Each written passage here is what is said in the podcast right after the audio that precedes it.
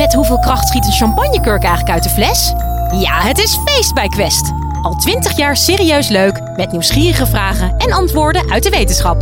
Zo maken we Nederland elke dag een stukje slimmer. Nu in de winkel en op quest.nl. Hey daar, welkom bij je favoriete podcast over wetenschap.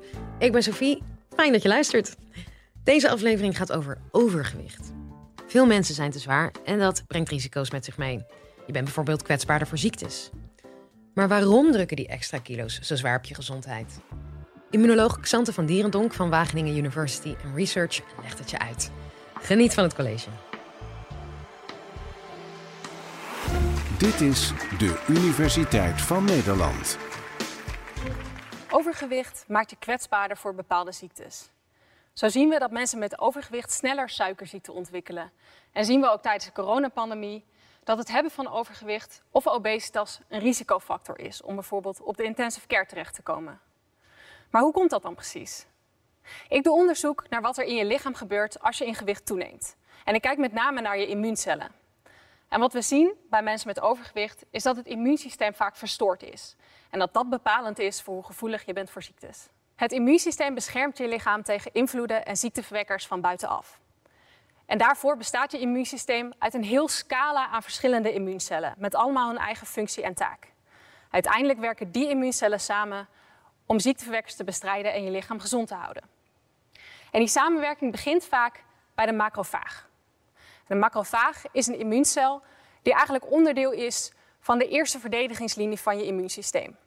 En het is een cel die eigenlijk in al je organen en in je hele lichaam aanwezig is en als een politieagent door je lichaam patrouilleert om te kijken of er iets aan de hand is. En daarvoor kan een macrofaag verschillende functies uitoefenen.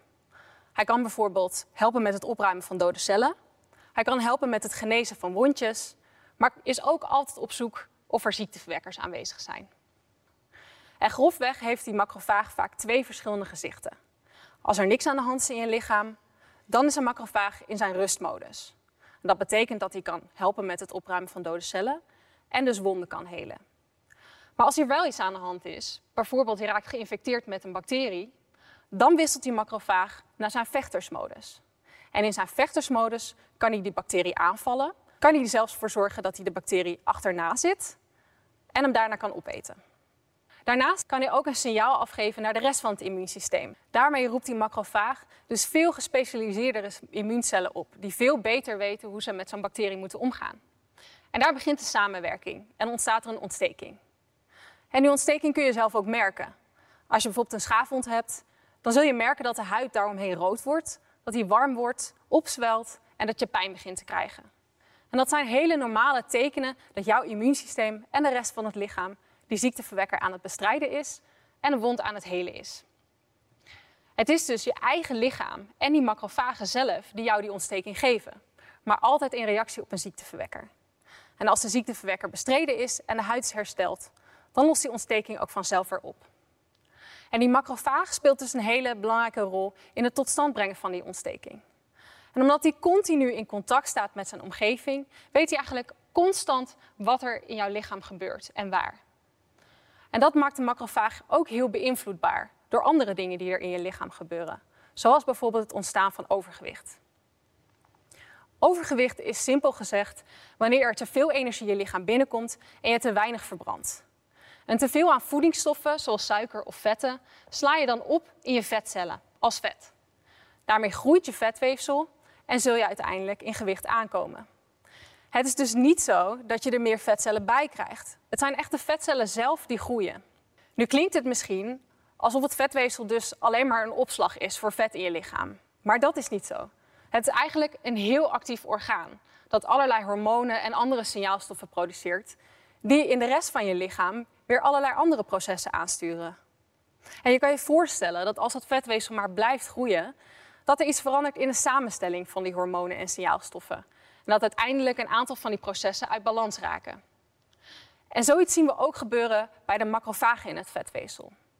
We zien namelijk dat die macrofagen in het vetweefsel eigenlijk wisselen naar hun vechtersmodus zonder dat daar een aanleiding voor is. En zo ontstaat er een vals alarm. Maar die vechtersmodus laat ze ook niet zomaar meer los. En zo krijg je dus steeds meer macrofagen in je vetweefsel die allemaal geactiveerd zijn en die allemaal in die vechtersmodus zitten. En die zullen uiteindelijk tegen de rest van het immuunsysteem zeggen dat er iets aan de hand is in het vetweefsel. En zo ontstaat er ook een ontsteking in het vetweefsel. En die ontsteking is eigenlijk vergelijkbaar met wat we zagen bij de schaafwond. Alleen deze ontsteking is vele malen milder. En daarom spreken we van een laaggradige ontsteking. En dat klinkt misschien alsof het niet zo erg is, een laaggradige ontsteking. Maar het is wel erg. Want omdat die ontsteking niet gericht is tegen iets wat bestreden kan worden, zoals bijvoorbeeld een virus of een bacterie, zal die ontsteking ook niet zomaar oplossen. En wordt het dus een chronische ontsteking. Maar van deze chronische laaggradige ontsteking merk je zelf eigenlijk niks. Althans, in eerste instantie. Want het kan echt gevaarlijk worden als er wel een echte ziekteverwekker in je lichaam komt. Je immuunsysteem is dan al zo geactiveerd dat het niet eens meer weet hoe het deze ziekteverwekker moet bestrijden. En er kunnen dan een aantal verschillende situaties zich voordoen.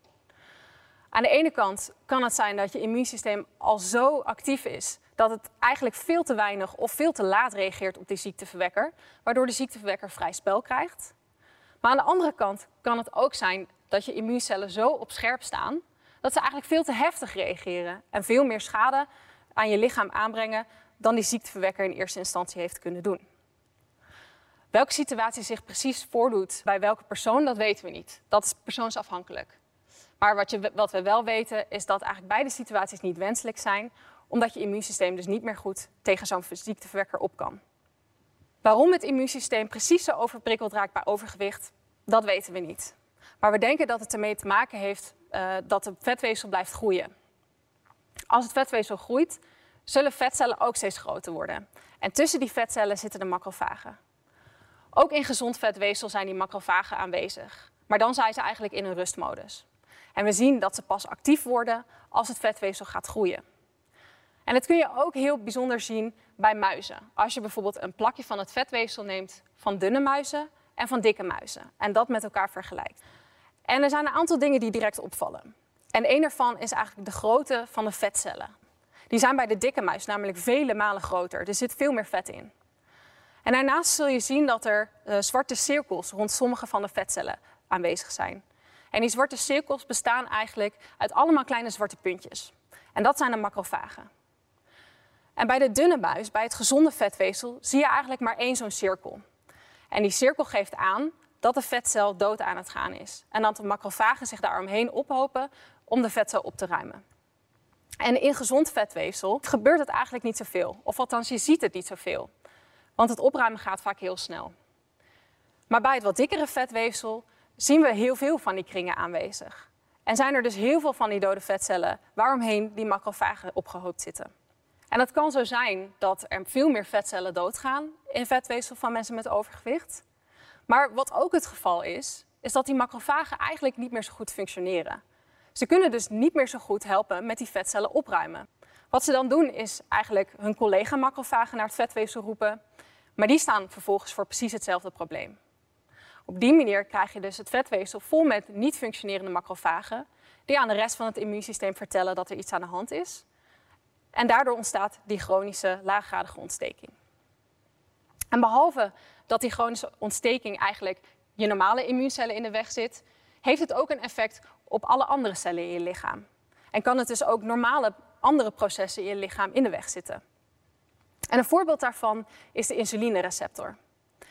De insulinereceptor zit aan de buitenkant van heel veel verschillende cellen. Bijvoorbeeld vetcellen, spiercellen, maar ook levercellen. En wat, wat die receptor doet, is eigenlijk het hormoon insuline herkennen. En het hormoon insuline geeft het signaal door aan de cel dat hij suiker uit het bloed mag opnemen. En dat gebeurt bijvoorbeeld als je net een maaltijd of een ijsje hebt gegeten. Dan komt er heel veel suiker in je bloed en moet insuline dus het signaal doorbrengen dat je cellen de suiker uit het bloed kunnen opnemen om bijvoorbeeld te gebruiken of om op te slaan. Nu weten we dat die laaggradige chronische ontsteking eigenlijk ervoor zorgt dat die insulinereceptor niet meer zo goed werkt. En dat betekent dat die cellen nooit het signaal zullen doorkrijgen dat ze suiker uit het bloed mogen opnemen, waardoor de suikergehalte in het bloed altijd hoog zullen blijven. En dat is eigenlijk de eerste stap bij de ontwikkeling van suikerziekte. En daarom hebben mensen met overgewicht vaak veel meer risico om suikerziekte te ontwikkelen.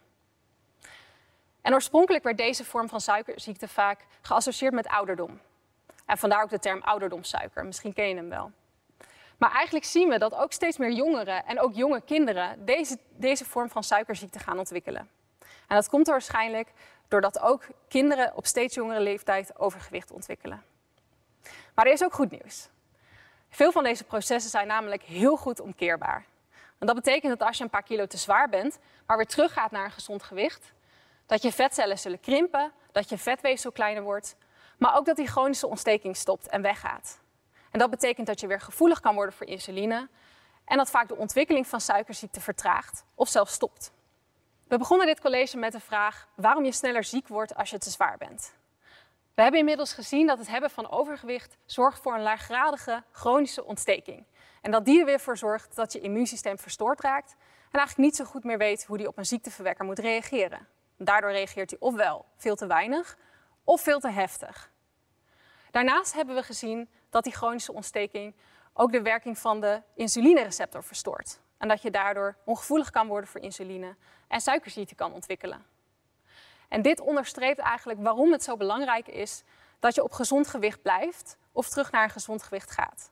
Want dat is het aller, allerbeste wat je kan doen om je immuunsysteem te ondersteunen en te helpen om je daarmee gezond te houden. Ik hoop dat je het een leuk en leerzaam college vond. Check vooral ook onze andere colleges in de playlist. Volgende keer gaan we het hebben over kinderen en topsport. Want werkt het nou als ouders en trainers kinderen tot het uiterste pushen? Of niet? Mijn naam is Sophie Frankemolen en heel graag tot de volgende.